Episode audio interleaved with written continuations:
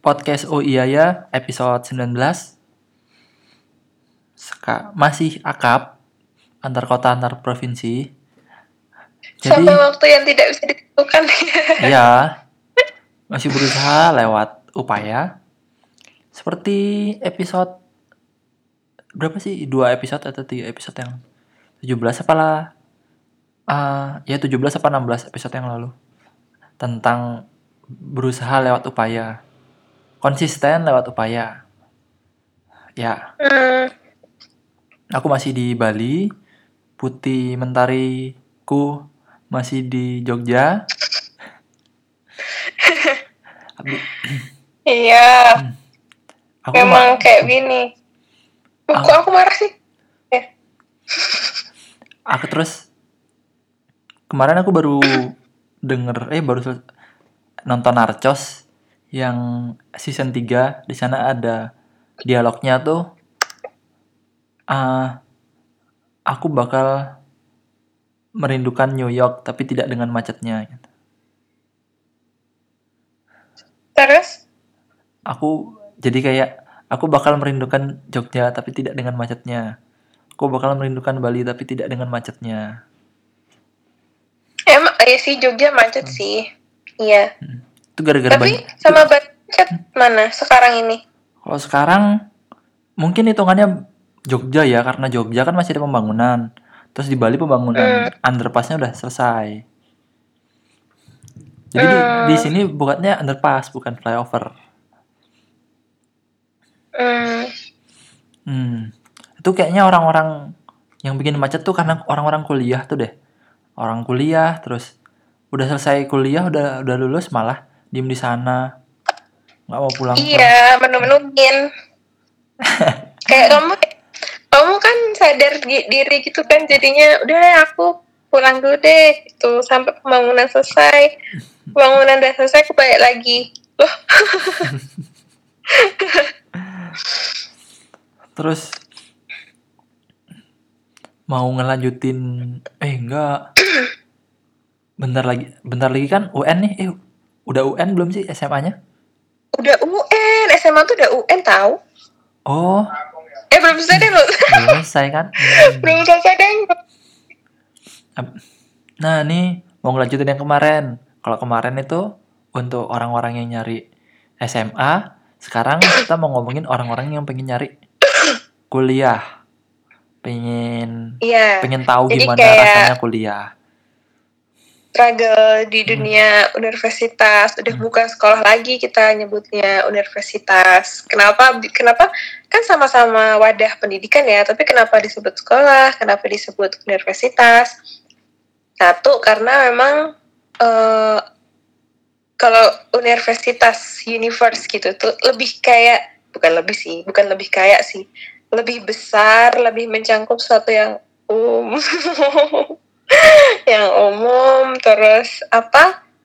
Hmm, nggak nggak nggak seragam lagi, nggak seragam kayak sekolahan lagi, udah udah beda, udah udah kamu kayak eh, bisa nemuin dirimu tuh di universitas gitu deh gitu. Pokoknya Ha-ha. Habis itu namanya bukan siswa lagi, mahasiswa. Iya Ya, udah maha tuh artinya udah bukan besar. lagi. Mm. Maha tuh artinya besar. Jadi masih tetap belajar, masih tetap kayak siswa, cuman tingkatnya udah mahasiswa, siswa yang lebih besar. That's right. Besar tuh Ah, lebih tinggi. bukan iya eh, aduh ya ampun tenggorokanku mohon maaf ya suaranya kayak gini Oh. Terus apa? Eh bukan besar hanya besar gitu. Dalam arti literal aja tapi tanggung jawabnya dunianya. Hmm, apa ya kemampuan ability-nya tuh lebih lebih dari sekedar siswa di sekolah gitu. Bakalan ketemu sama hal-hal yang nggak akan ditemui di permasalahannya sih. Permasalahannya tuh nggak akan sama kayak yang kita ditemui di sekolah-sekolah gitu. Hmm. di zaman SMP SMA bahkan kita mungkin udah nggak akan ketemu lagi di perkuliahan. Hmm, sama kayak oh untuk adik-adik SMA yang dapat omongan dari gurunya, kalian nanti kalau di kampus di universitas kalian nggak bakal ngerasain kayak SMA lagi. Karena kalau di kuliahan perkuliahan kalian yang nyari dosen kalian yang nyari guru bukan kayak SMA guru yang nyari kalian. Itu. Iya, itu salah satunya jadi tuh. jangan jangan nyesel kalau misalnya udah masuk kuliah terus sambatnya tiap hari aduh masa tiap hari aku harus nyari dosen sih? Gitu. itu udah udah makanan sehari-hari lah. Ya. Iya dan dan apa ya pasti teman-teman listener kita juga tahu ya kalau Hmm. kuliah tuh kayak kamu mau masuk gak masuk tuh terserah Mm-mm. tapi memang ada pertanggungjawabannya kayak nanti di UTS-nya di UAS-nya kalau absensi kamu nggak mencukupi kalau persentase kehadiranmu itu kurang dari syarat untuk ujian ya paling kamu nggak bisa ikut ujian Mm-mm. di akhir aja gitu itu eh, menurutku perkuliahan itu kayak akhirat versi dunia gitu kenapa soalnya soalnya tanggung jawabnya tuh di akhir langsung dibabat gitu di akhir. Jadi kita senang-senang terserah kalian mau ngapain mau jadi ma- mau jadi anak nakal mahasiswa nakal mahasiswa rajin itu terserah. Nanti di ending aja kamu ngerasain akibatnya. Kalau kamu misalnya kamu suka bolos ya kamu nggak bisa ikut ujian. Otomatis kamu nggak bisa next semester eh otomatis kamu harus ngulang mata kuliah itu di semester yang selanjutnya Mm-mm. ketika teman-teman kamu udah habis SKS kamu belum kayak gitu-gitu sih. Jadi Ya, kayak akhirat versi dunia gitu. Apa namanya? Ya kalau kalian senang-senang di dunia kalian akan menanggung akibatnya di akhirat gitu. kalau kalian senang-senang di awalnya kalian akan menanggung akibatnya di akhiran. Delay ya suaranya ya? Ah biarin ah ya jadi record Ini ini masih tetap. analoginya serem ya ya? Recordnya ini masih pakai by phone ngerekam ngerekam hmm, makanya suaranya agak gimana gitu. Ah, terus ngomong terutama suaraku sih udah by phone tenggorokannya nggak sembuh sembuh ya udah deh terus mau ngomongin perjuangan eh bukan perjuangan ya dulu lulus SMK kamu kenapa milih maksudnya kenapa oh aku ya harusnya ya aku lulus SMK kan aku nih SMA Iya, maaf, maaf, maaf. Aku kan SMK nih. Terus kenapa aku milih kuliah? Nggak apa-apa ya aku nanya sendiri, jawab sendiri. nggak apa-apa nggak apa-apa aku kan cuma apa sih bukan partner aku tuh jadi nggak ngasih kamu pertanyaan Soalnya delay itu loh. Jadi, Oh. ya. Takutnya lama gitu. Pertanyaannya Iya. sampainya. Hmm. Udah, loh kan. Jadi kenapa aku lulus SMK nggak langsung kerja? Kenapa aku ambil kuliah? Awalnya itu sebenarnya aku nggak pengen kuliah. Makanya udah udah eh, zaman SMK dulu udah dikasih tahu yang namanya marketplace, dikasih tahu namanya yang mencari passive income tapi lewat desain, bukan lewat MLM MLM MLM gitu. Jadi aku lulus SMA pengen banget langsung ngedesain ngedesain ngedesain gitu. Soalnya dilihat dari cerita-cerita orang tuh zaman ada masuk berita, eh masuk di koran soalnya bisa sebulan tuh sampai 200 juta. Kayak gitu. hmm, Tapi mungkin yang aku lihat dulu cuman endingnya aja ya, maksudnya eh hasilnya aja. Aku nggak lihat prosesnya dulu gimana. Terus terus banyak juga orang-orang yang lulus SMA tuh lulus SMA atau SMK atau di perkuliahan terus putus malah orang-orang tuh jualan desain nyari passive income kayak gitu. Akhirnya karena itu kan niatku nggak pengen nggak pengen kerja. Eh nggak pengen kuliah pengennya kerja aja. Habis itu akhirnya disuruh lah sama orang tua disuruh kuliah. Ya udah aku mau aja kuliah. Tapi biar nggak ngebebanin orang tua aku cari kuliah yang biayanya murah. Tahun 2015 aku lulus itu nyari udah nyari kampus kalau nggak yang kalau misalnya yang bagus aku lihat harganya mahal ya udah sekalian nyari yang yang jelek yang swasta tapi murah juga nggak apa-apa gitu Nah nanti ujung-ujungnya juga sama-sama lulus, sama-sama dapat ilmu gitu sih aku mikir. Yang penting kan gimana kita belajarnya gimana, bukan di mana kita belajarnya gitu. Iya, Nah. sepakat. Habis itu itu dulu aku lulus itu itu aku, aku pendaftaran murid pertama loh. Terus penda- pendaftaran itu 3 juta apa ya? Terus dapat potongan gelombang pertama, potongannya 2 juta. Jadi bayarnya aku cuma satu juta. Jackpot. Habis itu udah bayar itu, terus nggak ada ospek-ospekan karena swasta dan kampusnya kecil. Habis itu bayarnya bayarnya bilangnya SPP. Bayarnya per bulan gitu bukan per semester. Bayarnya 400.000 ribu per bulan. Ya. 400.000 ribu per bulan ngambil kela- kelas karyawan karena kelas paginya itu memang kosong. Sebenarnya dibuka sih kelas pagi. Cuma kalau kelas pagi banyak apa nggak ada yang minat karena di sana tuh banyak kelas pekerja. Nah habis itu kuliah lah aku. Wah niat lah. Semester 1 semester 2 semangatnya kayak orang naik gunung gitu. Semangat semangat ntar udah udah semakin atas semakin atas aduh malas ah kuliah. Semester 3 semester 4 tuh udah. Apalagi yang awalnya dulu tuh aku gedungnya tuh sama sama sekolah yang paket C. Jadi tempatku kuliah digabung gedungnya sama orang-orang yang paket C. Orang-orang yang yang paket C yang yang normal dan yang difabel. Oh iya. ya jadi kadang agak ribut banget. Agak ribut banget. pokoknya tahu-tahu ribut aja. Tahu-tahu enggak. Tahu-tahu ribut tahu-tahu enggak gitu. Ada dosen sih yang yang nggak suka tapi ya udahlah gitu. harus dijalanin aja gitu. Terus akhirnya lu satu kelas itu kemarin 30 apa 40 ya? Eh 30-an 30-an semesternya semakin tinggi semester 1 rame.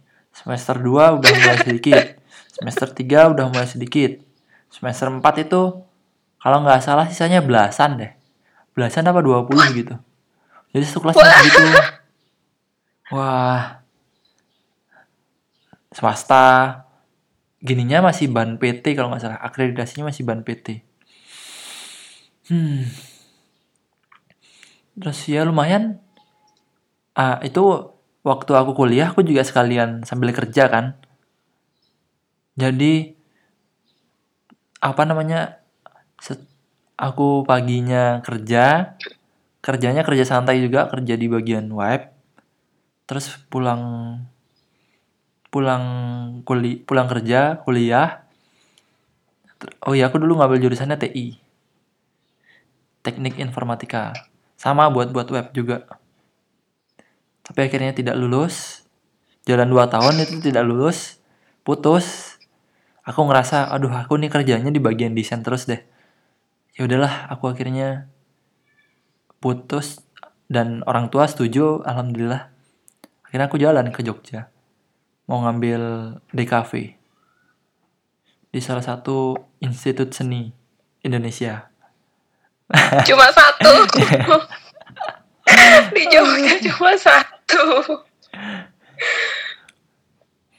kurang lebih segitu deh. Kamu dulu? Kamu gantian.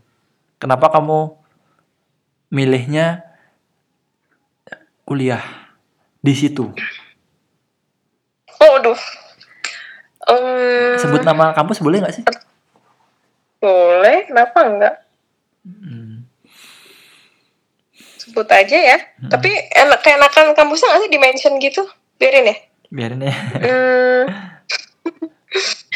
Hmm, kuliah karena memang harus kuliah. Bukan nggak punya keterampilan, nggak nggak kayak anak-anak SMK. Ya apa itu? Ya, punya keterampilan kan nggak punya aku. Hmm, terus juga sama sekolah tuh udah diarahin kan untuk ikut apa SNMPTN, SBMPTN, persiapan-persiapannya itu. Em, kuliah tuh dulu pengen pengen di les lah Jogja ya UGM. Tapi waktu pas pendaftaran SNMPTN jalur undangan, eh kayaknya aku udah cerita deh di episode minggu lalu ya. ya Kalau uh, aku nggak untuk jalur undangan tuh nggak percaya diri untuk langsung masuk ke kampus sebesar UGM kan, jadinya Hmm. cuman milih Oh, kampus tuh UNY sama UPI, Mm-mm. UPI Bandung. Mm. Di ngambilnya sastra Indonesia UNY, terus UPI-nya tuh kayak bahasa Inggris sama sastra Inggris apa apa ya lupa aku pokoknya itu deh ada pendid- ada bahasa Inggrisnya tuh antara sastra atau pendidikan gitu. Mm. Tapi sebenarnya nggak mau jadi guru juga, cuman ya karena milih-milih kan disuruh Hmm. pilih gitu. Yaudah aku pilih-pilih aja deh. gitu. Ada pilih ada grade pilihannya satu dua tiga. Untuk sastra Indonesia aku pilih nomor satu. Terus eh nggak nggak positif keterima jalur undangan sih. Masa iya? Aku kan tidak berbakat ya yang bidang-bidang akademik kayak gitu. Tapi aku keterima. Hmm, aduh. Masuk jalur undangan di UNY Sastra Indonesia wow dan yang bikin yang bikin menarik adalah di Sastra Indonesia UNY itu Mm. kalau anak muridnya anak muridnya kalau mahasiswanya itu jalur undangan atau SNMPTN itu beda banget vibe belajarnya sama yang anak-anak SBM jadi Hah? kan kelas A kelas B kalau kelas A tuh anak-anak SNMPTN nih rata-rata Hah. Ada anak SBM-nya tapi buangan gitu terus yang kelas B itu anak-anak SBM sama anak-anak seleksi mandiri Iya. itu mereka anak SBM dan seleksi mandiri itu belajarnya lebih kayak mereka merasa kalau aku tuh masuk sini itu susah banget. Harus kerja Gitu. lebih keras. Iya, mereka berjuangnya keras-keras dan beda banget vibe belajarnya sama yang di kelasku, yang anak-anak anak-anak jalur undangan. Lebih kayak lebih santai, kelasnya tuh nggak yang nggak heboh gitu loh kelasnya tuh Hmm. jadi kurang kompetitif gitu di kelas dan eh sebenarnya sempat kayak ngerasa iya kok di web belajarnya gini sih sempat gak dapet gak dapet feelnya jadi mahasiswa karena vibe-nya Hmm. tuh terlalu hening menurutku Mm. terlalu eh apa ya Santai, pendiam gitu. santai ya pokoknya kurang kompetitif itu tadi deh. Dan yang apa yang salah jurusan banyak di kelasku juga. Yang tadinya tuh dia mau iya jadi cuma ngarang apa sih sastra Indonesia tuh? Terus ngawur klik klik klik gitu loh. Mm. eh tapi mas waktu masuk ini apa ini? Tapi tetap aja dilakoni. Karena ya memang udah udah masuk kampus negeri Hmm. akreditasi A kayak gitu gitu kan terus sastra sastra Indonesia tuh akreditasinya di UNY paling bagus kayak gitu gitu terus ya udah tetap tetap dilanjutin kan Eh, mungkin kalau teman-teman ngira anak sastra tuh berantakan Mm. yang pakai baju sobek-sobek, celana sobek-sobek, gondrong, terus pokoknya image seniman yang kayak gitu tuh nggak semuanya kayak gitu. Ta- Tapi eh gimana ya? Dulu aku juga ngiranya anak sastra tuh gitu sih, tapi ternyata ada tuh di di kelompok kami sastra Indonesia yang sek- yang ke sekolah lagi, yang ke kampus tuh pakai clutch doang. Jadi udah kayak tas kondangan gitu Mm. isinya cuman satu lembar kertas sama bolpen bukan Ah. yang kayak kalian bayangin bawa buku bertumpuk-tumpuk kayak kura-kura gitu nggak semuanya kayak gitu Nggak kayak di FTV FTV yang pakai backpack atau pakai tote bag terus ada bawa kamus atau bawa binder di, di tangan juga kan? Nggak kayak gitu. Ya kayak gitu. juga. Heeh. terus ah eh,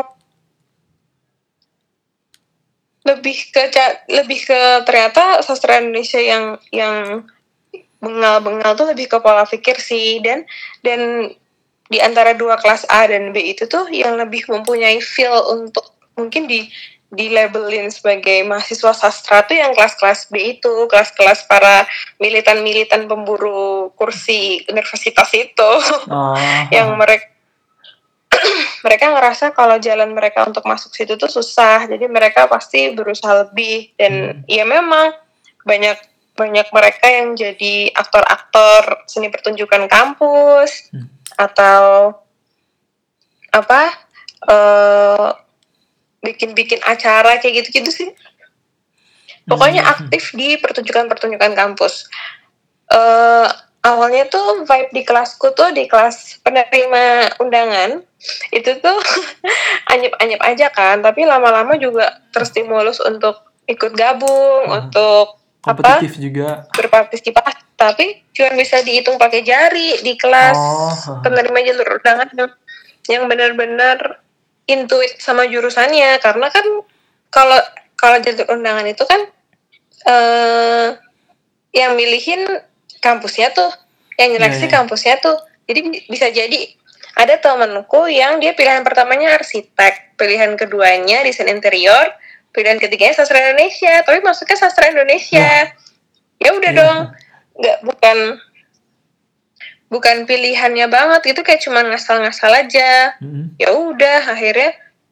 kuliah di situ ujung-ujungnya mental ujung-ujungnya dia mending ke kampus lain yang dia bener-bener suka Iya, iya, tuh iya. ada sih beberapa walaupun nggak banyak yang mental kayak kamu sampai belas-belas gitu sih enggak Hmm.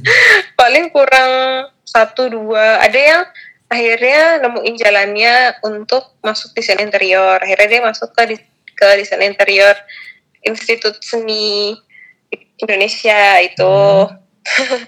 terus ada yang akhirnya pindah ke musik ada yang Hmm. pindah ke Lukis? Ya. pendidikan juga Hmm. ada Heeh. Tapi mungkin kalau kalau orang kira ngapain sih kuliah sastra sastra Indonesia lagi buat apa Wah, gitu.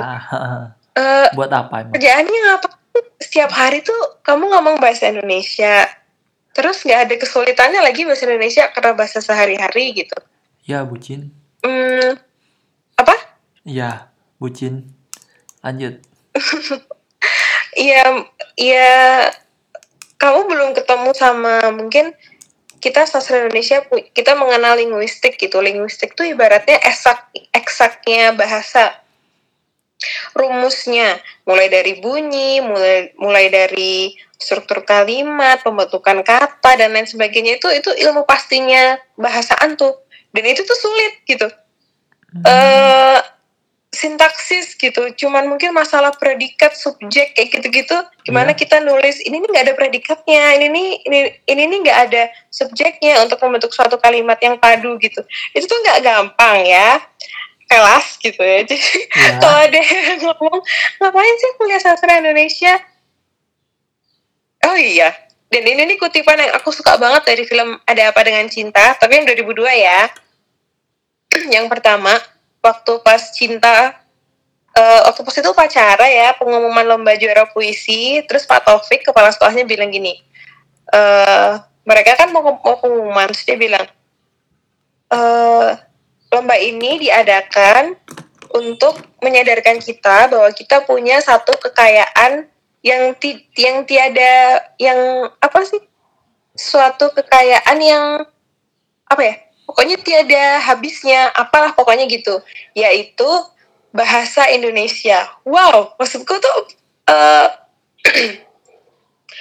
bentuk apresiasi tertinggi. Bukan tertinggi juga sih. Bentuk apresiasi yang tinggi karena filmnya itu kan populer ya. Filmnya kan percintaan. Mm-mm. filmnya soal anak muda walaupun diselipin unsur-unsur sastra unsur-unsur seni yang nggak populer tapi di dalam lingkup sekolah menengah atas yang anak-anaknya tuh lagi kayaknya nggak peduli sama Bahasa. sama lingkungan bahasa, tapi mereka punya lomba eh, bikin puisi dan dan waktu waktu kepala sekolahnya bilang gitu tuh mereka tuh excited kalau memang mereka punya suatu kekayaan yaitu bahasa Indonesia gitu. Itu menurutku bukti salah satu bukti kalau memang bahasa Indonesia itu penting Mm-mm. bukan cuman tadi soal soal linguistiknya, soal eksaknya, pembentukan katanya, tapi sejarahnya.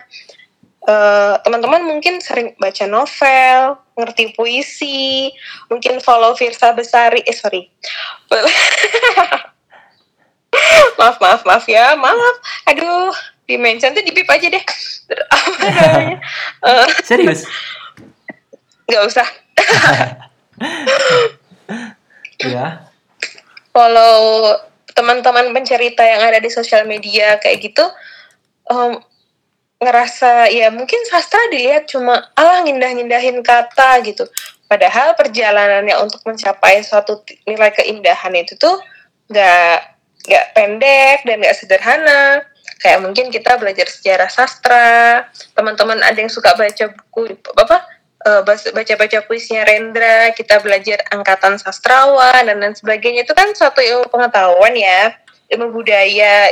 Kalau misalnya nggak ada yang melajarin itu, ya selamanya atau seterusnya kita akan menikmati karya-karya yang maaf ya mungkin tidak bervalue gitu, cuma cuma mengungkapkan kegalauan, cuma mengungkapkan kebosanan tanpa memiliki eh, esensi yang yang itu tuh bisa apa ya value-nya tuh nggak hanya itu gitu jadi kita bisa menghargai kemanusiaan kita tuh di atas kegalauan dan di atas kebosanan itu tadi menurutku sih kenapa kita mesti belajar sastra Indonesia tuh gitu Oh. Selama ini ada ada kesulitan nggak belajar sastra tuh? hmm ada ada. Hmm? ada ada banget. Kalau misalnya em ya aku gak konsen. Em, apa ya mata kuliah yang sulit itu mungkin hermeneutika hermeneutika itu ilmu di atas semiotika. Semiotika itu kan ilmu tanda ya. Jadi gimana kita melihat simbol-simbol di dalam suatu karya dalam suatu wacana.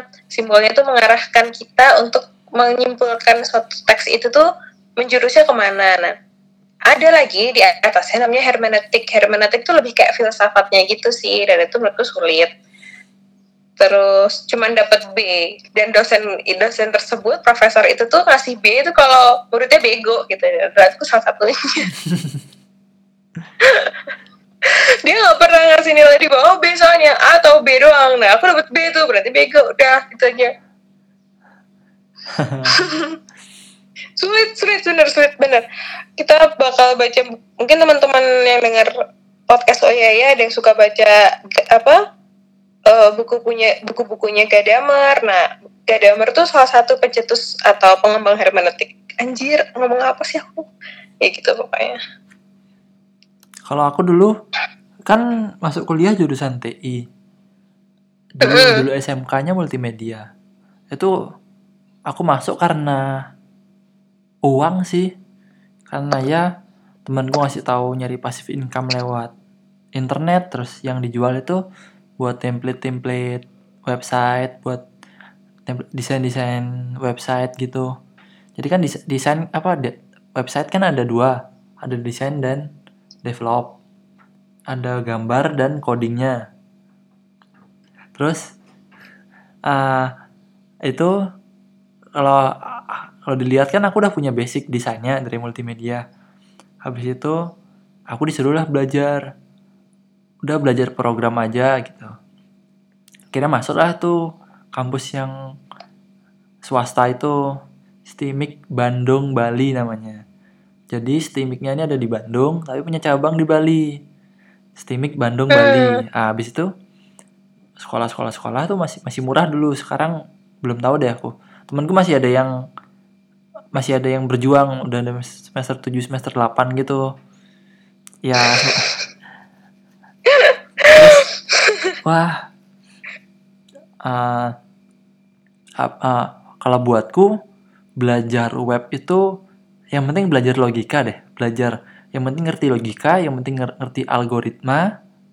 Habis itu yang penting ngerti eh dua itu aja sih yang dipelajarin. Kalau misalnya ngerti logika ngerti what if ngerti if ngerti apa lagi sih? Then then then then terus ngerti apa? Aduh aku pokoknya banyak nyontek deh pokoknya zaman zaman semester 1 semester 2 tuh. Yang paling aku excited paling cuma bahasa Inggris doang bahasa Indonesia apa namanya uh, PKN keluarga negaraan atau gitu. kuliahnya? Hah? Atau kuliahnya? Iya ada ada gitu juga ada keluarga negaraan terus hmm, paling excited sama itu tapi untuk belajar web pengen banget ngerti pengen banget bisa apa mungkin. Karena aku udah capek kerja ya pagi-pagi. Habis itu sorenya buat belajar fokus itu jadi males tuh loh. Apalagi kayak pulang kerja nih. Padahal rumah dari rumah ke tempat kerja tuh cuma 5 menit 10 menit. Nggak usah pakai helm nggak apa-apa gitu. Habis itu sampai rumah mandi makan udah langsung berangkat. Sampai kamp kampus kadang nunggu sebentar dosennya datang. Habis itu kadang langsung belajar. Habis belajar keluar apa istirahat sebentar. 10 menit 15 menit terus belajar lagi. Kayak gitu terus. Jarang juga apa namanya kampus-kampus pekerja tuh jadi jadi jarang berkumpul dan jarang berorganisasi gitu. Karena paginya udah kerja. Habis itu oh. malamnya kuliah. Kadang selesainya jam 8 jam 9 ada yang pulangnya satu jam kan dari dari rumah ke kampus tuh ada yang satu jam ada yang 40 menit. Jadi kayaknya kalau terlalu lama di kampus juga males. Habis itu hmm. terlalu lama di apa namanya di jalan juga malas gitu. Apalagi yang kayak masuk masuk kelas ada AC-nya keluar keluar badan tuh udah berminyak badan udah lengket lah. Udah malas ah nih. Nongkrong nongkrong lagi badanku pengen udah pakai mandi gitu. Mm. kayak gitu jadi ya buat buat teman-teman yang pengen masuk TI masuk SI belajar belajar logika dulu deh belajar logika belajar hmm, algoritma uh, atau cari pengantar-pengantar dulu deh takutnya kayak aku kalau aku kan dulu SMK-nya desain multimedia. Habis itu dapat rekomendasi masuknya masuk ke program. Apa namanya? Mat kuliah. Belajarnya tentang program. Nah kalau kalian sudah seneng sama eh sudah bisa make otak kiri otak kanan otak kreatif dan otak logikanya dengan bagus, bisa lanjut tuh. Tapi karena kemarin itu kerjaan yang aku ambil desain. Sesuatu yang aku senengin desain, gambar. Ngeliat gitu. Bukan seneng di seneng memecahkan masalah gitu. Ya, aku senang memecahkan masalah tapi lewat visual. Bukan senang memecahkan masalah lewat logika, what if what if gitu. Akhirnya ya udah kok semakin lama semakin susah gitu aku ngerasa ya udah nggak nah terus banyak yang keluar keluar awal apa ada juga kan orang-orang yang kuliah tuh karena ya udah kuliah aja deh biar biar selesai gitu. Atau ya udah kuliah aja karena aku nggak tahu mau mau ke mana. Habis itu aku kuliah aja aku biar dapat gelar gitu. Tapi nggak ada masalahnya ketika kita udah kuliah, terus udah ketemu sama apa yang kita suka dan kita maksudnya berani bertanggung jawab di sana, berani struggle di sana, ya nggak apa-apa, putus kuliah gitu. Soalnya kan ada orang-orang yang, aduh udah semester segini putus kuliah nih gitu. Ada udah semester udah udah mau skripsi, terus putus kuliah karena nggak cocok. Gitu. Kalau aku dulu putusnya semester 4 semester 5 untuk orang tua bilang nanggung sih kalau untuk untuk putus kuliah temen gue juga bilang banyak yang nang banyak banyak gini nanggung gitu. Nggak bagus. Bentar lagi selesai.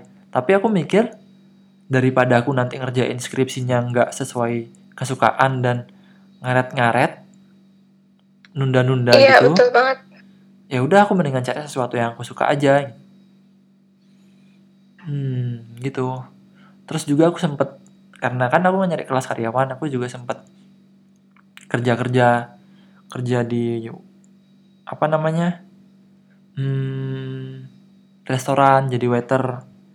Karena di Bali gampang kan nyari kerjaan kayak gitu jadi udah coba cari pengalaman lebih lah gitu. Ya mungkin ya orang-orang yang kuliah bisa nyoba untuk kerja part time gitu. Atau ya biar biar nggak cuman kuliah aja loh kalau misalnya ada waktu untuk kerja ya coba part time tapi kalau misalnya nggak dapet nggak apa-apa kalau menurutmu gimana tips-tips untuk masuk kuliah Hmm, tips-tips masuk kuliah. Pertama, yakinin diri kalau emang mau kuliah. Soalnya kita nggak punya yang bisa yang bisa ini serius nih serius. hmm. Soalnya yang bisa mencahin masalah kita waktu di perkuliahan adalah kita sendiri. Ketika kamu nggak nggak cukup mental atau atau keinginan untuk eh, memecahkan masalah-masalah yang datang nanti, ya mending gak usah kuliah. berarti Gak salah juga sih kamu ya, ke bisa struggle sama sama sama dunia gitu tanpa harus kuliah nggak ada masalah. Soalnya aku ada tuh eh, satu angkatan, dia tuh rajin banget, rajin. Selalu nomor satu nyampe kelas. Ya mungkin tuh bukan tolak ukur rajin ya, tapi dia rajin banget. Padahal Hmm. rumahnya, rumahnya mungkin dua jam dari kampus. Tapi dia selalu nomor satu nyampe kelas. Wow terus? Gimana ya rumah 30 menit 40 menit aja Pak, selalu terlambat gitu tapi dia selalu nomor satu. Eh, tapi dia nggak nggak berteman. Maksudnya dia punya teman sih cuman sosialisasi. eh nggak bersosial. gimana? Nggak bersosial? Iya dia tuh pengennya dideketin gitu kayaknya bukan dia yang mencari tahu gitu. Akhirnya dia ketinggalan. Ketinggalan arus bahkan sekarang nih aku semester 10 ya. Semester 10 tuh belum lulus ya. Apa namanya mm, banyak teman-teman yang mungkin dulu tuh kurang aware sama kelas tapi dia punya mental untuk ya udah nih aku nggak mau harus terjun nih walaupun kemarin-kemarin aku kayak di kelas bodo amat sama mata kuliah aku bodo amat tapi aku udah tugas akhir nih. Aku harus nyemplung pokoknya. Mungkin ada beberapa yang kayak gitu dan akhirnya berhasil lulus. Dan dan teman sekelas yang sangat rajin ini dia sampai sekarang belum lulus. Karena apa? Karena takut untuk bimbingan. Could ya kan? Maksudnya eh kayak image dosen yang suka marah-marah terus image dosen yang suka itu mungkin menghantui pikirannya banget sampai akhirnya dia nggak dia nggak punya kemampuan untuk sekedar ngomong saya mahasiswa bimbingan bapak atau ibu. Jadi saya mau bimbingan kayak gitu tuh nggak ada dan sampai sekarang dia belum lulus. Belum bahkan belum progres katanya. Belum nulis gitu. Wow. Padahal waktu semester semester awal tuh kita udah kayak mikir wah dia ini lulus duluan nih udah pasti nih udah pasti kumlot nih tiga setengah tahun nih kita udah kayak gitu gitu tapi sekarang dia belum lulus wow. Itu sih pertama niatnya dulu Eh, mampu nggak? Kalau dibilang mahasiswa. Apa? Apa? Yang kedua aku ya aduh. Maaf aku nggak denger aku kira tadi kamu ngomong gini kita ya kita kita berdua apa kita berdua apa apa udah kamu yang pertama udah Yang pertama itu kan niat. Udah. Yang pertama niat. Terus yang kedua C tabungan atau uang dulu. Menurutku kalau misalnya Hmm. udah kuliah tapi belum ada tabungan, belum ada backup, ketika di tengah jalan uangnya kurang atau tahu-tahu keluarga nggak bisa bantu lagi nih. Nah, itu agak gimana gitu. Jadi aku pun sekarang belum belum pengen apa? Kemarin pengen kuliah, pengen masuk isi itu maunya judi aja lah pokoknya. Nanti aku ker- kuliah sambil kerja. Nggak taunya aku nggak nggak lolos nggak nggak nggak lolos seleksi pendaftaran ya udahlah aku ambil hikmahnya aja aku mungkin perlu belajar lebih lagi untuk tes. Habis itu di tahun berikutnya aku coba pikir-pikir terus tanya-tanya lagi sama orang-orang yang sudah kuliah. Oh ternyata semester 1 semester 2 jurusan DKV itu tugasnya berat sampai begadang-begadang. Sampai matanya bernanah katanya. Capek lah pokoknya. Habis itu ah susah pokoknya untuk kerja sambil kuliah. Apalagi kerja sambil kuliah terus dapat cum laude wow. Itu susah katanya. Terus akhirnya wah ya udahlah. Daripada aku nanti luntang lantung nggak bisa saya nggak bisa kerja terus kerja apa karya tugas-tugasku di kampus standar-standar aja nggak punya nilai lebih gitu. Ya udahlah aku kayaknya tahun ini nggak kuliah aja mau nabung aja dulu gitu. Nabung untuk bayar hitunglah untuk tiga semester ke depan atau dua semester ke depan tuh udah punya tabungan sama uang-uang untuk beli alat-alat. Apalagi misalnya yang yang jurusannya film atau yang jurusannya TI yang jurusannya DKV yang perlu uang untuk beli alat-alat yang kayak laptop yang kayak pen tablet kamera gitu. Temanku nih ada dia lulus SMK kerja habis itu dia kuliah. Terus dia mintanya tuh masa ROG tahu nggak ROG laptop yang belasan juta tuh loh Oh. Padahal cuma untuk buat tugas ke sekolah aja, kampus aja gitu. ya tapi memang anak gaming sih, tapi ya ya udahlah itu. Oh, laptop gaming gitu. Heeh. Republic of Gaming ROG. Oh, oh tahu. Oh, fisiknya aku tahu, bentuknya tahu. Hmm, Nah, tuh pertimbangin tuh uang juga kalau misalnya mau kuliah alat-alatnya apa apakah sudah cukup apa belum gitu. Coba tanya-tanya ke temen perlunya apa aja. Yang ketiga kamu. Udah nggak kode-kode. Katanya, eh jadi nggak jadi. deh. Eh, yang, yang ketiga tadi apa sih? Niat, terus tabungan. uang, eh, tabungan. Terus pilih jurusan yang memang kamu suka. Kalau nggak suka, Kalau apa? kalau nggak suka, apa kalau belum tahu? Ya, jangan. Oh iya sih Ya, kan. jangan. ya kalau memang nggak suka nggak usah Jangan dipilih. dong. Iya ya maaf. Apa-apa apa? Kalau nggak suka ya memang nggak bisa dipilih. Maaf, aku terlalu exciting. nggak usah dipilih ya. Kalau nggak suka ya jangan. Jangan nyoba-nyoba. Misalnya kayak penasaran agribisnis tuh apa ya? Kayaknya agribisnis tuh eh, itu deh. Apa kita bikin perusahaan di sawah? Apa sih ya? Mungkin ada yang kayak gitu-gitu. Hmm, jangan. Kalau emang nggak tahu tuh nol pengetahuan soal itu jangan. Jadi kamu nggak bisa membangun membangun membangun imajinasi perkuliahanmu tuh nanti kayak jadi sesuatu yang kamu sukai gitu. Mendingan nggak usah. Atau yang kayak biar keren gitu. Masuk apa ya? Oh aku mau masuk filsafat aja deh. Kenapa gitu? Filsafat kan susah atau filsafat kan nggak semua orang kuat gitu berpikir filsafat gitu. Terus oh nggak apa-apa.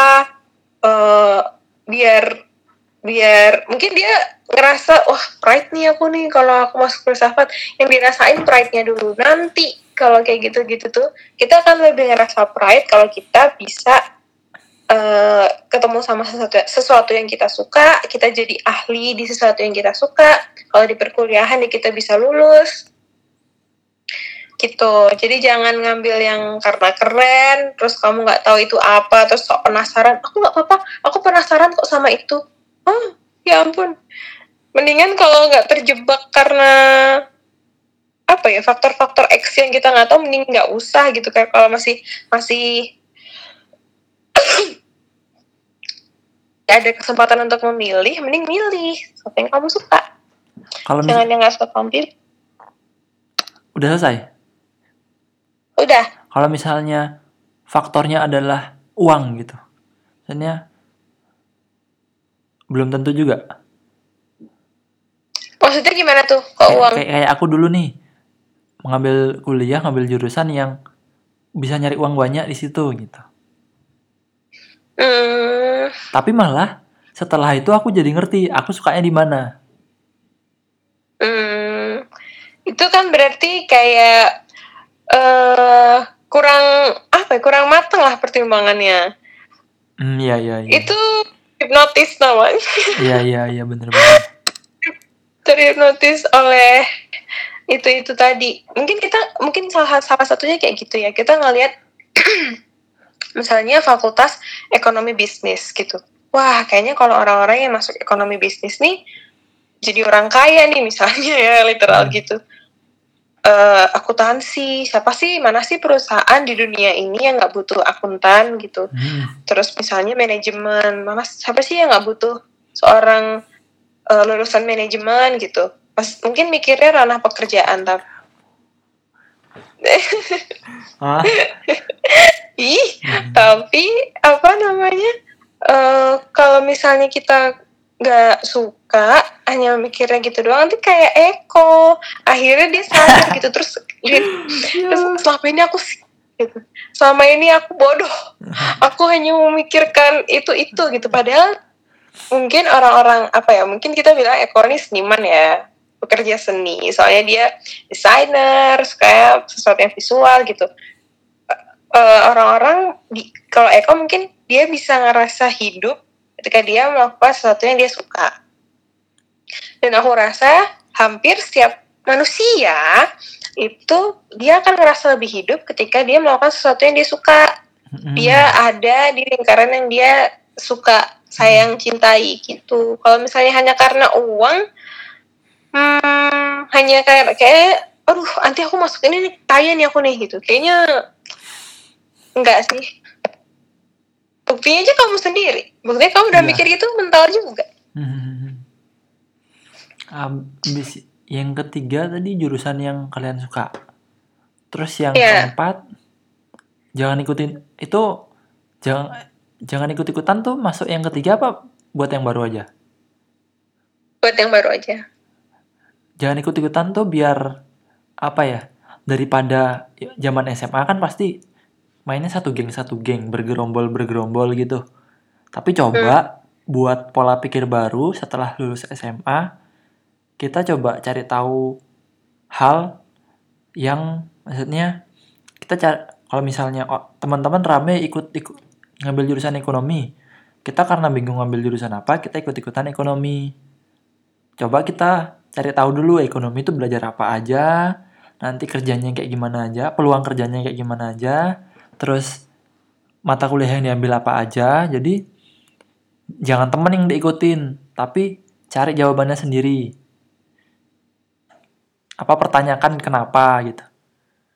A- atau mungkin Iya. ke kampusnya kah atau misalnya ke kampusnya terus ketemu sama orang-orang kampus yang senior itu hmm ngantuk. Terus itu yang keempat. Hmm jangan ikut-ikutan. Soalnya kalau ikut-ikutan kan misal teman-teman keluar semua gara-gara salah jurusan dia nggak punya temen wah aku juga nih salah jurusan kayaknya. Temanku ya salah jurusan.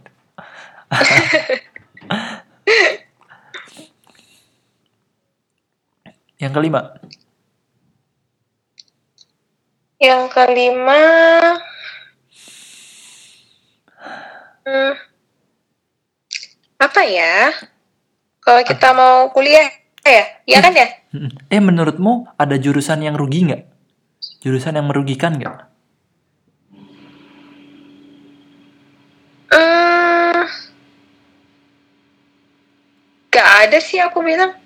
Ah berarti nggak usah takut ya untuk anak misalnya teman-teman yang pengen mau masuk kuliah tapi ngerasa jurusannya nih, duh jurusannya kok nggak jelas ya.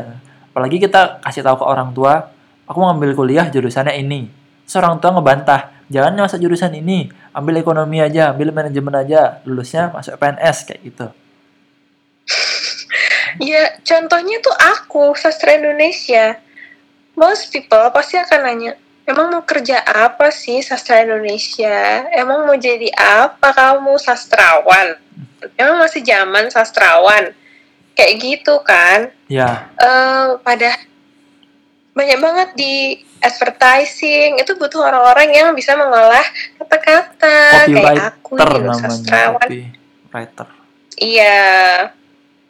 Ada copywriter, content writer, ada editor, proofreader, terus ada penulis naskah film, terus banyak banget. Eh temanmu yang paling apa nama? temennya temanmu yang keren itu apa penulis naskah hidayah itu? Oh iya, oh iya. Kasih, aku nggak tahu sih tuh keren atau kasihan ya maksudnya. eh, Maksudnya dia itu, itu lulus kan, akhirnya dia jadi bukan hidayah itu loh yang azab-azab itu. Oh iya, heeh. Iya, dia akhirnya direkrut gitu untuk nulis naskah sinetron yang kalian tahu ya teman-teman, azab-azab yang masuk cor-coran lah apa segala macam gitu. Tapi aku nggak tahu nulis episode yang mana aku nggak berani nanya. untuk apa namanya? Hal yang seabsurd itu aja orang tuh perlu gitu. Ngerti nggak? Ada peluang kerjanya gitu loh. Iya. Iya, Jadi- jadi, kamu kira nulis, jadi bukan jangan kalian kira nulis apa naskah yang mayat masuk cor-coran tuh tuh but, orang orang ngarang gitu. Enggak, itu tuh butuh seseorang yang memang bisa menulis gitu ya kan. Iya iya iya. Tapi itu kacau banget sih, kacau banget dah, kacau banget. Cum- Cuman ya apa namanya? Kalau dilihat dari peluang kerjanya, kayaknya peluang kerja tuh banyak. Sampai yang seabsurd itu pun ada. Tapi Iya, ya memang kerjaannya kayak gitu aja. Maksudnya nggak bisa ngasih value juga ke orang gitu. Itu hikmahnya apa sih nonton-nonton azab itu?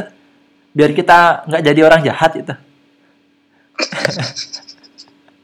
maaf maaf terlalu Sulit banget ya ampun kita ngomongin ini. Abis abis itu gini, aku pengen nambahin lagi apa namanya? Hmm, jurusan. Bentar-bentar. Aku pause, aku pause. Tiga. Ah, lanjut aja deh. Gimana caranya biar berkembang di perkuliahan? Mulai dari kamu. Jadi gini, mungkin eh, ada ada yang bilang kalau kehidupan atau kehidupan ya. Eh, teman-teman kita nih ABG ABG menuju dewasa itu kita bilangnya mm, apa ya nyari jati diri ya. Hmm. itu katanya SMA gitu-gitu kan. Tapi menurutku justru eh, kita tuh belajar banyak itu ketika kita nggak dikasih tembok atau kita nggak dipagarin apa pun. Contohnya di perkuliahan kita bebas milih Eh, mungkin di universitas lain yang negeri eh yang negeri yang swasta masih ada. Bebas milih mata kuliah atau bebas milih dosen, milih rombel, rombongan kelas kayak gitu-gitu bebas. Itu menurutku salah satu penerapan kita dewasa memilih gitu. Yang kayak kita misalnya eh, di di kelas kelas di mata kuliah A gitu. Eh, kita harusnya satu kelas kita maunya nyamannya sama geng misalnya. Tapi karena rombel udah penuh akhirnya kita harus di rombel rombel yang lain. Itu juga bikin kita belajar kan kalau misalnya nggak selamanya kita tuh bakalan sama-sama terus sama orang-orang yang jadi comfort zone-nya kita jadi inner circle-nya kita. Kita harus berkembang sendiri Hmm. udah gitu di perkuliahan juga kita bakalan ketemu sama yang namanya multi multikultural plural pluralisme Lisme. kayak gitu kan mulai mulai dari agama dari ras dari eh, kebiasaan-kebiasaan yang kita kalau waktu di sekolah dulu tuh semuanya tuh seakan sama gitu seragam entah karena memang kita sudah diseragamin secara literal atau apa pun itu semuanya kelihatan sama tapi kalau di perkuliahan tuh di universitas kita akan ngelihat itu lebih terbuka lagi mungkin kita akan ngelihat ada orang yang ternyata memuja pohon atau misalnya kita akan lihat ada ada uh, teman-teman kita dari Indonesia Timur yang suka makan uh, yang pedes-pedes banget lah atau apa pun yang kita kayaknya shock gitu loh baru tahu. Nah itu kita juga belajar. Uh, kita berkembang ngobrol sama orang-orang yang beda. Mungkin salah satunya yang ikut organisasi, terus uh, bikin event. Habis itu uh, kalau di sastra Indonesia di tempatku kita ada bikin pertunjukan, kita bikin pentas teater, kita kerja bareng tim berapa bulan kayak gitu-gitu. itu ngembangin kita uh, untuk punya perspektif-perspektif yang baru dan menurutku di lingkungan-lingkungan kayak gitu justru kita nemu uh, caranya kita untuk menjadi dewasa. Aku kayak motivator ya. Terus apa namanya uh, di kelas itu tuh bukannya kelas itu nonsens ya tapi di kelas tuh ya memang hanya ruangnya hanya ilmu pengetahuan aja. Bukan ruang kita mengembangkan diri dan perspektif gitu. Kalau mau berkembang secara mental perspektif memang harus keluar memang harus harus di luar yang aku bilang tadi kayak bertembok berpagar gitu. Biar kita tahu oh ini ini nggak ada nggak ada kita tuh boleh sebebas bebasnya nih di sini tapi aku nggak bisa dong sebebas bebasnya mungkin salah satunya adalah control self kayak gitu gitu sih kita jadi punya. Hmm, udah. Udah. Oh. Ah, yang kedua itu untuk berkembang cari teman sebanyak-banyaknya. Nggak nggak penting lah kayak jurusannya dia apa. Dan kalian nggak bakal rugi kalau kalian berteman sebanyak-banyaknya di kampus. Aku sih ngerasa rugi karena kerjaanku pulang pulang kuliah pulang pulang kuliah pulang gitu misalnya kerja kuliah masuk kelas selesai kelas pamitan pulang kayak gitu terus. Jadi kayak nggak punya temen temen yang dekat tuh temen yang intens jadinya. Jadi ketika misalnya ada apa-apa kita susah jadi minta tolong. Terus ketika ada tugas kita juga susah nggak enak jadi minta nanyanya. Tapi berteman sebanyak-banyaknya tuh nggak cuman di kamp untungnya nggak cuma di kampus saja nanti untungnya juga bakal ke, bisa jadi bisnis kita kita punya wirausaha kayak gitu terus kita juga bisa belajar apa namanya ilmu di bidang yang lain lagi juga jurusan yang lain. Itu. Jadi berteman sebanyak-banyaknya tuh sangat membantu. Menurutmu kuliah di mana tuh membantu kita untuk naik derajat nggak sih? Kayak bisa jadi kuliah-kuliah di yang top favorit gara-gara kita kuliah di tempat kampus-kampus favorit kita jadi punya teman-teman dan kita bisa jadi pansos di sana. Jadi pansos. Bisa bisa pajak sosial kita di sana gitu. Hmm, iya.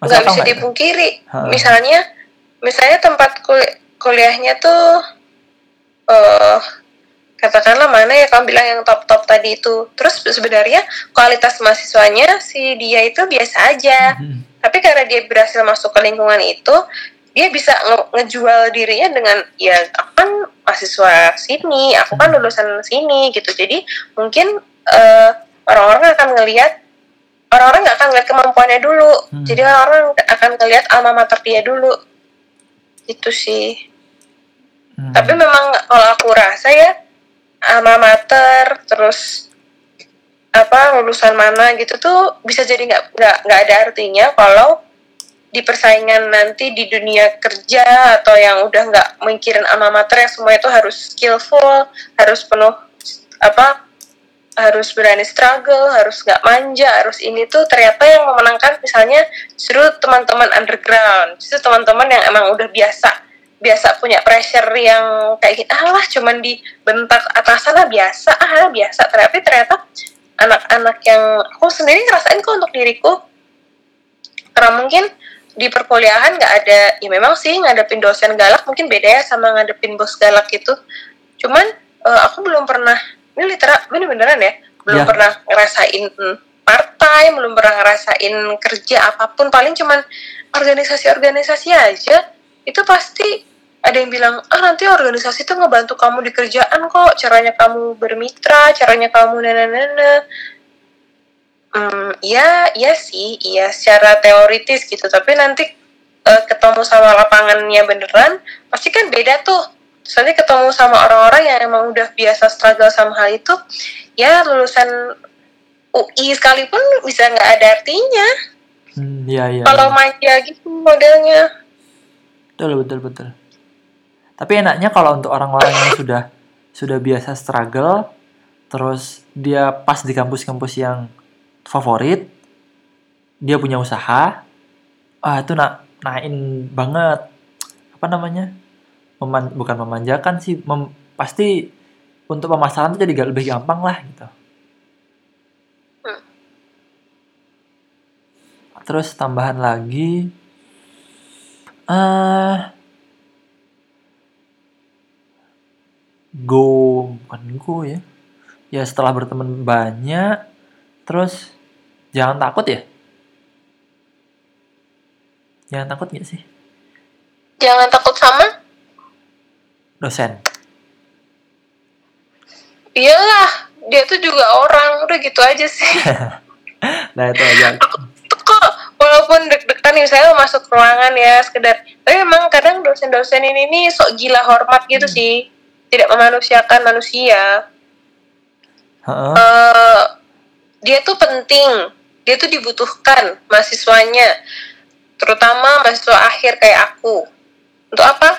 Untuk bimbingan skripsi. Tapi dia membangun tembok yang sangat tinggi untuk sulit ditemui. Untuk tidak untuk slow respon di WhatsApp misalnya. Itu kan what's wrong with you? Kayak memang gitu aja sih. Ya kalem bu. Eh, nanti kalau saya lulus kan juga ibu nggak usah berurusan lagi sama saya kan gitu kan harusnya. Tapi nggak tahu deh. Sama. Biasa. Heeh, dosen tuh orang juga. Apa sih lagi? Skripsi itu enaknya kita menantang diri kita atau kita cari titik aman? Kan kamu nih yang lagi ngurus skripsi nih. Menurutmu gimana? Hmm. kalau Hmm, ya ya ya. Sorry sorry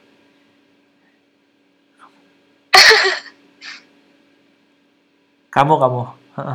Oh, lucu banget. Hmm, skripsi itu kaitannya nanti dengan akreditasi sih sebenarnya. Jadi judul skripsi yang kita itu bisa pengaruh ke akreditasi jurusan kita.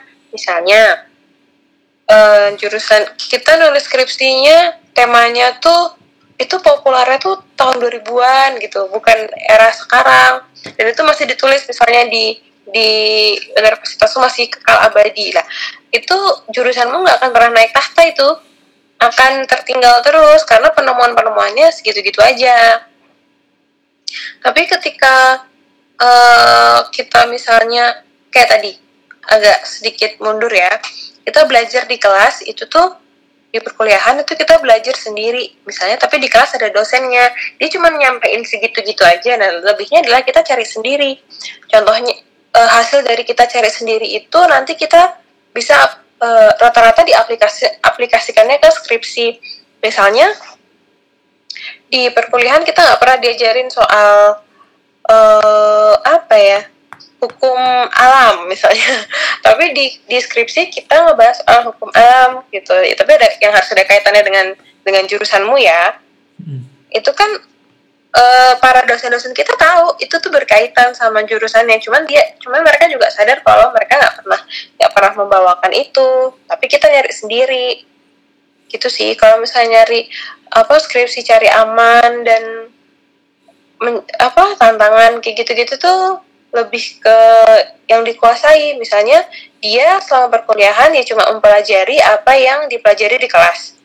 Ya outputnya ya itu. Tapi kalau misalnya dia juga belajar belajar di lain lain soal itu eh, topiknya tuh berkembang nggak selaras dengan yang di kelas tapi dia lebih jauh lebih dalam gitu nanti outputnya juga seperti apa yang dia inputin ke dirinya gitu sih. Kalau dibilang ah kamu tuh ngapain sih skripsi susah-susah bikin bikin cepat eh bikin lama lulusnya gitu? Hmm, dibilang kayak gitu tuh gimana ya? Aku tuh kalau dibilang gitu tuh mikirnya yang nggak bisa nih aku apa pembimbingku ya? Gue jadi gitu soalnya. Hmm, kalau misalnya ini susah harusnya kan aku dibimbing. Eh aku kok curhat sih? Eh salah salah salah aku curhat loh Nanti urusan tag Bu Nggak, nggak, nggak, nggak. Nanti tag. apa Nanti tag dosennya, dosen pembimbing. nggak nggak nggak kalau kalau misalnya yang dibilang ada yang bilang skripsi kalian ah susah nih ini bikin lama lulus loh gitu bodo amat tuh gak usah dipikirin kamu akan punya pride kalau misalnya kamu bisa bisa selesai dengan orang yang orang bilang susah tapi kamu selesai udah itu aja Hmm, sama. Mungkin ada orang-orang yang lagi ngurus skripsi juga sekarang. Ada ide, aku bantuin gini aja sih. Ada beberapa skripsi yang nantinya bisa dijual gitu. Ya kan? Jadi jadi kayak dia bisa misalnya orang tek- apa TI anak-anak orang program, programmer atau robotik gitu. Ada kok orang-orang yang sudah apa pas dia buat skripsi ternyata skripsinya itu cocok diaplikasikan aplikasikan di masyarakat sangat membantu masalah masyarakat sangat membantu mempermudah masyarakat. Itu bisa dijual gitu. Hmm, ada ada kok yang yang buat skripsi kayak gitu. Jadi dari eh, balik lagi ke orang sih kalau misalnya pengen pengen nantang diri ya. Tantanglah kalau misalnya nggak pengen nantang ya udah nggak apa-apa ya nggak apa-apa bebas bebas Hmm. Sudah sak jam ya? ya bu Ya. Oh. Ya, ya bu ya. Eh, udah deh dari episode 18 ya. Eh 19. Heeh, 16 ih 19. udah belas belas terus lupa ya Nah, terima kasih ya nih buat yang sudah komen di YouTube yang apa namanya nanyain struggle di perkuliahan ya. Kalau buat teman-teman yang ya terima kasih ya teman buat teman-teman yang pengen ngasih saran, ngasih apa namanya mungkin punya cerita bisa share ke podcast oh iya ya at gmail.com atau mungkin teman-teman ada yang punya oh iya ya momen yang bisa di share di podcast oh iya ya gitu. cerita apa gitu yang bisa membuat membuat oh iya ya Hmm, udah itu aja sih dari aku Asat. Ya, ya ya udah deh. ya udah deh See ya. see ya